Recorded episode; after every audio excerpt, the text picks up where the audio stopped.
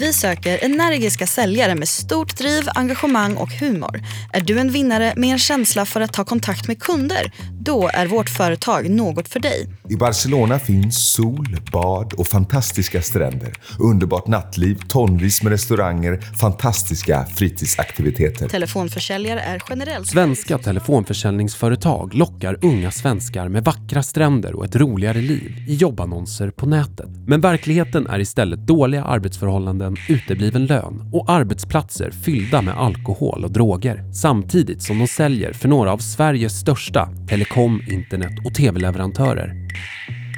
Du lyssnar på Jag ringer från Barcelona, en kort dokumentär av mig, Erik Glad.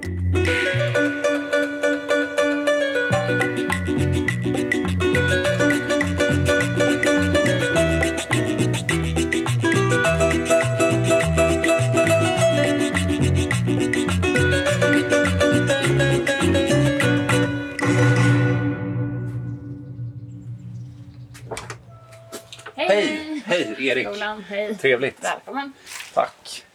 I en villa i västra Stockholm är 28-åriga Golan Güler hemma och besöker sina föräldrar. Sedan några år tillbaks bor hon i Oslo tillsammans med sin pojkvän. Är du hemma ofta eller? Nej, eh, ja, det senast var i julas. Ja. Det brukar bli två eller tre gånger om året. Och så är det oftast kortvisiter. 2012, när Golan var 20, bestämde hon sig för att lämna Sverige för att jobba som telefonförsäljare i Barcelona. Jag var väldigt ung, jag hade precis, eh, ja, jag jobbade väl på eh, som frilansande makeupartist då. Eh, hade precis gått klart en sån utbildning och det var inte så jättemycket jobb och jag var ganska fri och hade inte så mycket för mig och så berättade min kompis att hon skulle åka till Barcelona och vara där ett tag och det lät väldigt lockande. Jag kände liksom att nu är jag ung, nu får jag passa på att göra någonting och så åkte vi iväg, bokade en enkelbiljett. Och innan vi åkte dit då så hade vi fått eh, jobb på eh, ett callcenter. Fick göra en telefonintervju och fick jobbet och då åkte vi dit. I grupper på Facebook lockar företag unga svenskar med arbete i Barcelona. Det utlovas varmt väder, garantilön, roligt umgänge, aktiviteter och hjälp med alla papper och tillstånd som krävs för att arbeta i Spanien. Vi började väl eh, jobba ganska direkt. Jag tror kanske vi hade varit där en dag bara när vi gick till arbetsplatsen på introduktion. Och sen så började man jobba. Ja, vi fick någon intro på några dagar och sen så började vi direkt sätta oss och ringa. Uh, och det var ju bara svenskar som jobbade där och alla som var på den här introgrejen var ju nya och man började lärde känna varandra direkt. Det var ganska kul. Liksom nya, ny miljö, nya människor. Och det var ju lite spännande med ett nytt jobb också såklart. Ganska direkt, när Golan och hennes kompis kommer till Barcelona, uppstår det problem. Och allt blir inte riktigt som de har tänkt sig. Det var lite svårt med boende och sådär och hitta. Alltså vi, vi flyttade runt bland folk som eh, också jobbade där och bodde hos dem i några dagar. Eh, tills vi hittade eget. Den första veckan som vi var där, då tror jag vi bodde på hostel. Eh, två eller tre olika. Sen så eh, var det liksom tre dagar hos, man bodde hos en kollega och tre dagar hos en annan. Så det var inte så jättemycket till, alltså det var inget tryggt så. Alltså det första stället, där jobbade vi bara en vecka, tror jag. Ja, max två veckor, inte länge i alla fall. Eh, men på den andra arbetsplatsen, då var, då var vi där eh, lite längre. Och mm, då satte man sig, man hälsade på alla, satte sig, eh, tog på sig hörlurarna och började ringa direkt. Och sen under tiden man tog, eh, ringde samtal och satt folk och, ja vi satt och snackade, folk rullade sina cigg och pratade och så väntade man bara på att eh, man skulle få någon liten rast och så sprang man ut och hängde lite och sen så gick man in igen och fortsatte. Du sa att ni inte jobbar så länge på första stället. Varför, varför inte det? Vi fick sparken båda två. Jag och min kompis som, åkte dit, som jag åkte dit med. Ehm, för att eh, vi kände nog båda direkt att det där var inte var en arbetsplats för oss. De var superhårda direkt och jag, jag hade aldrig jobbat med telefonförsäljning innan. Ehm, och det var verkligen, med en gång kände jag att det inte var någonting för mig. Ehm, Varför inte då? Ja, men det var väldigt höga krav på oss och vi skulle liksom det var höga krav på att vi skulle sälja och det, var, det kändes orimligt det vi skulle sälja. Alltså målgruppen var, o, det kändes bara taskigt för vi skulle sälja väldigt hög hastighets eh, bredband till pensionärer. Och det kändes som att vi lurade dem. Genom att säga att eh, ja, men det här är ett jättebra erbjudande på bredband. Och det är det här liksom, de, det var för, målgruppen var ju inte i behov av den här hastigheten. Och därför hade man ju, kändes det fel liksom att det var det vi skulle sälja på dem. Och det kändes som att eh, målgruppen heller inte hade så bra koll på det och då köpte de det när de ville typ släktforska. Så ja, det kändes inte som att man kunde sälja med gott samvete. När Golans chef upptäckte att Golan inte sålde tillräckligt bra så delade chefen ut straff. Om, vi, om det var en period då vi inte sålde bra, då var vi tvungna att ställa oss upp och så hade vi skithög musik i bakgrunden vilket gjorde att det var svårt att höra kunderna man ringde till. Och så fick man sätta sig typ när, det, ja, när försäljningen kom upp lite. Varför fick ni ställa er upp? Jag vet inte. jag tror kanske bara för att liksom, man inte skulle bli trött eller så. Men det, det kändes som att man var tvungen att vara igång precis hela tiden. Och man var ju nästan, teamleadern var, var lite skrämmande också. Hon kunde liksom stå och gorma och skrika. Mm. Vad, vad tyckte du om det? Jag tyckte det var obehagligt.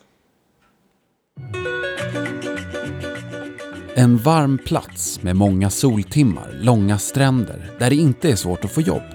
Det lockar många svenskar. Enligt organisationen Svenskar i världen bor och arbetar mer än 90 000 svenskar i Spanien. Företagens jobbannonser i sociala medier riktar sig ofta till unga som längtar bort från Sverige. Och de här annonserna tar oss med på en resa till Barcelona, en stad dit många unga svenskar, precis som Golan, flyttar och jobbar som telefonförsäljare.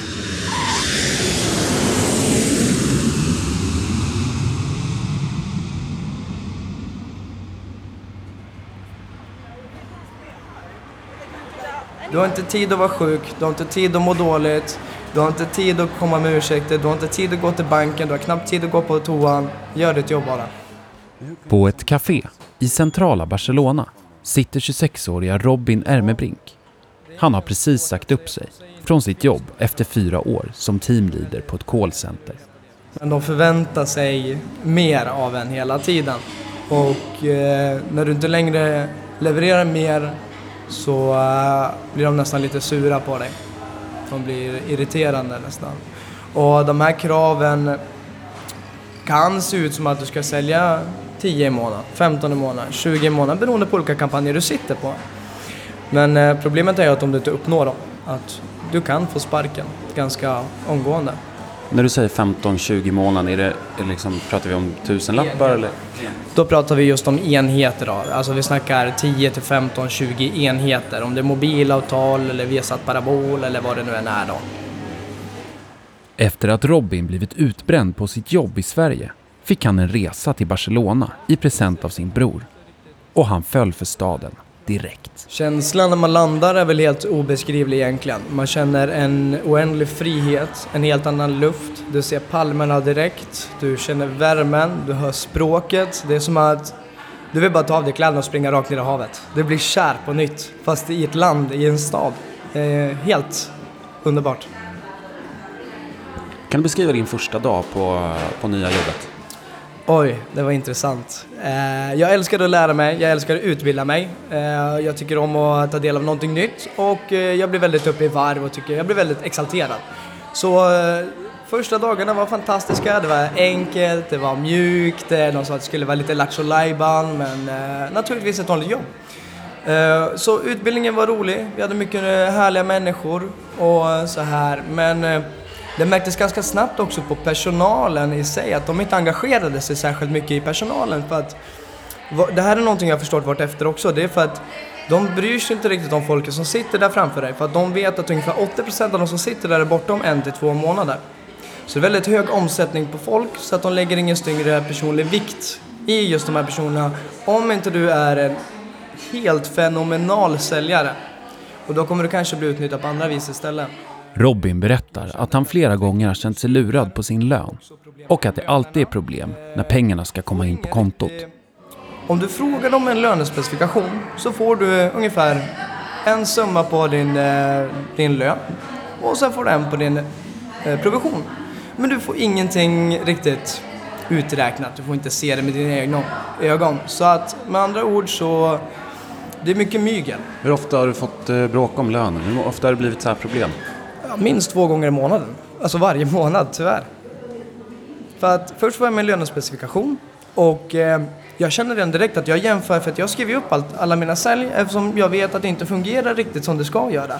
Så jag dubbelkollar med mitt facit och deras uträkning och ingenting stämmer någonsin överens. Oavsett om det är timlön eller om det är extra timmar, om det är dubbelprovision eller så här.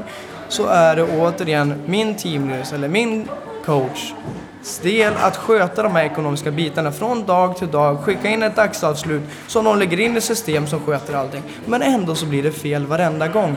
Och man tappar lusten efter att bråka två till tre gånger. Varje, varje månad. Och sen det värsta av allt är att du ska betala din hyra den femte, eller jag betalar den femte varje månad. Och får jag inte det den femte så blir det den sjätte, sjunde, åttonde. Så varje månad när jag ska få min lön med den första till femte så har jag ont i magen från veckan innan tills jag fått min lön. Robin berättar också om en arbetsmiljö där man tillåter droger och alkohol på jobbet. Nu bor vi i Barcelona och eh, vi har andra lagar och regler här. Naturligtvis. Eh, vi har helt andra levnadssituationer, vi har en helt annan kultur och det måste man respektera. Samtidigt så måste man ändå respektera att vi har ett svenskt jobb också. Jag vet inte hur jag ska få det här att låta rätt, men det är ju så här att på arbetsplatserna, nu säger jag inte något specifikt bolag, men jag vet att det sker överallt. Och jag tycker inte alla ska ta skulden för det, men eh, det finns många där ute som bolag som även tillåter att man får röka på på jobbet. Tillåter man får dricka alkohol. Jag personligen bryr mig inte om det här för det är bolagets egna policy, de får göra precis vad de vill. Men jag kommer till mitt jobb oavsett vilken tid det är för att göra mitt jobb och sen går jag hem bara.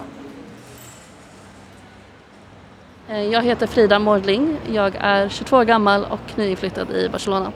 Frida har bott lite drygt en månad i Barcelona. Hon flyttade hit för att plugga spanska och kommer snart börja jobba som telefonförsäljare. Och vi tar en promenad i ett av Barcelonas ytterkvarter. Vad var det som eh, fick dig att flytta hit till Barcelona? Eh, lång historia kort. Jag var här på semester för första gången för ungefär fem år sedan. Och redan första dagen så blev jag kär i staden och sa att eh, någon gång ska jag bo här. Eh, för ungefär en och en halv månad sedan så tog jag mitt, mitt pick och pack och flyttade hit.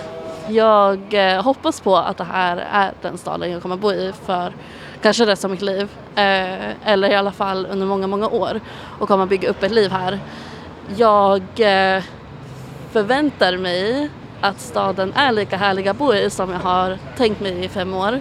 Och än så länge så är det så. Eh, alla de förväntningar jag har haft i fem år, de, alltså, de har liksom uppfyllts kan man säga. Eh, sen hoppas jag på att hitta liksom, typ vänner, en gemenskap. Jag har redan vänner men att hitta liksom, stad och gemenskap och bara känna mig hemma här. Vad är det du vill mest få ut av det här jobbet? upplevelser skulle man väl säga. Alltså upplevelsen av att eh, träffa nya människor, att växa som person för att det är någonting jag märkte, jag jobbade på kundtjänst i Aten och man växer ju som människa liksom att behöva svara i telefonen och prata med många, många människor varje dag och behöva hjälpa dem med vad de har för problem och liknande. Vad skulle vara det som får dig att känna att så här, nej, här vill jag absolut inte jobba? Om jobbet inte är där de har sagt att det är, att de har gett mig för höga förhoppningar kan man väl säga. Eh, kanske om vissa delar på jobbet inte fungerar, vissa avdelningar. Eh, och om kollegorna liksom är väldigt otrevliga och inte alls tillmötesgående. Helt enkelt om det är en, en dålig arbetsmiljö och en arbetsmiljö jag inte trivs i. För det är en väldigt stor del det är väl, eller en väldigt viktig del för mig att jag ska trivas på ett jobb, att, att jag trivs i miljön som är där. Finns det något som du känner att du är orolig för inför att du ska börja jobba? Det jag är orolig för är att det kommer bli likadant som i Aten. Att, för att där hade de även uteslutit vissa saker på arbetsintervjun. Till exempel så fick vi aldrig så mycket lön som vår grundlön egentligen var enligt kontraktet. Eh, vår grundlön var då eh, 1000 euro i månaden. Men även om vi jobbade varje dag, alla våra timmar som jag jobbade övertid, så fick jag som mest runt 950 eh, euro. Så att vissa skiljer inte så mycket men man fick aldrig så mycket som de hade lovat från början. Så det är en sån sak. En annan sak är att de, de, det var mycket som de uteslöt i intervjun som man fick reda på sen via sina kollegor. Eh, så jag är lite rädd att det kommer vara lite samma sak, att de typ lurar en. Eh, att amen, du kommer få så här mycket i lön för att, att det kommer låta mycket, mycket bättre än vad det är sen och att jag kommer sitta där och bara okej, okay, det är inte värt det liksom och behöva söka nytt och, och liknande.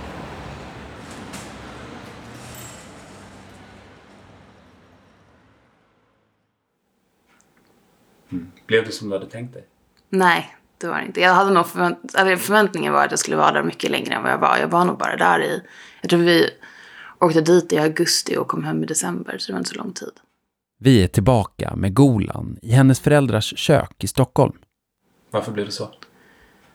Um, ja, men det var väl saknad hem, men också att vi inte fick ihop det ekonomiskt. Det var dyrt att bo där. Och så tjänade man inte speciellt bra pengar heller. Så det blev svårt att hålla ihop det till slut. Men sen det som gjorde att eh, eh, jag till slut slutade. Det var att eh, eh jag var tvungen att åka hem. Och eh, när jag sa upp mig då så, så upptäckte både jag och min mirat, våra, eller min vän, att eh, våra löner inte stämde. Fick ni ut er lön? Nej. De, vi kom överens om att uh, vi skulle få det månaden efter, utbetalt månaden efter. Och då hade jag redan flyttat tillbaka. Men vi fick aldrig det. Och det var ingenting jag orkade ta tag i heller för vi hade bråkat så mycket redan om det. Du har lyssnat på Jag ringer från Barcelona. En kort dokumentär av Erik Glad. Tack till Linn Halsenius och John Alexander Eriksson för inläsningen. Och tack för att du lyssnade. Thank you.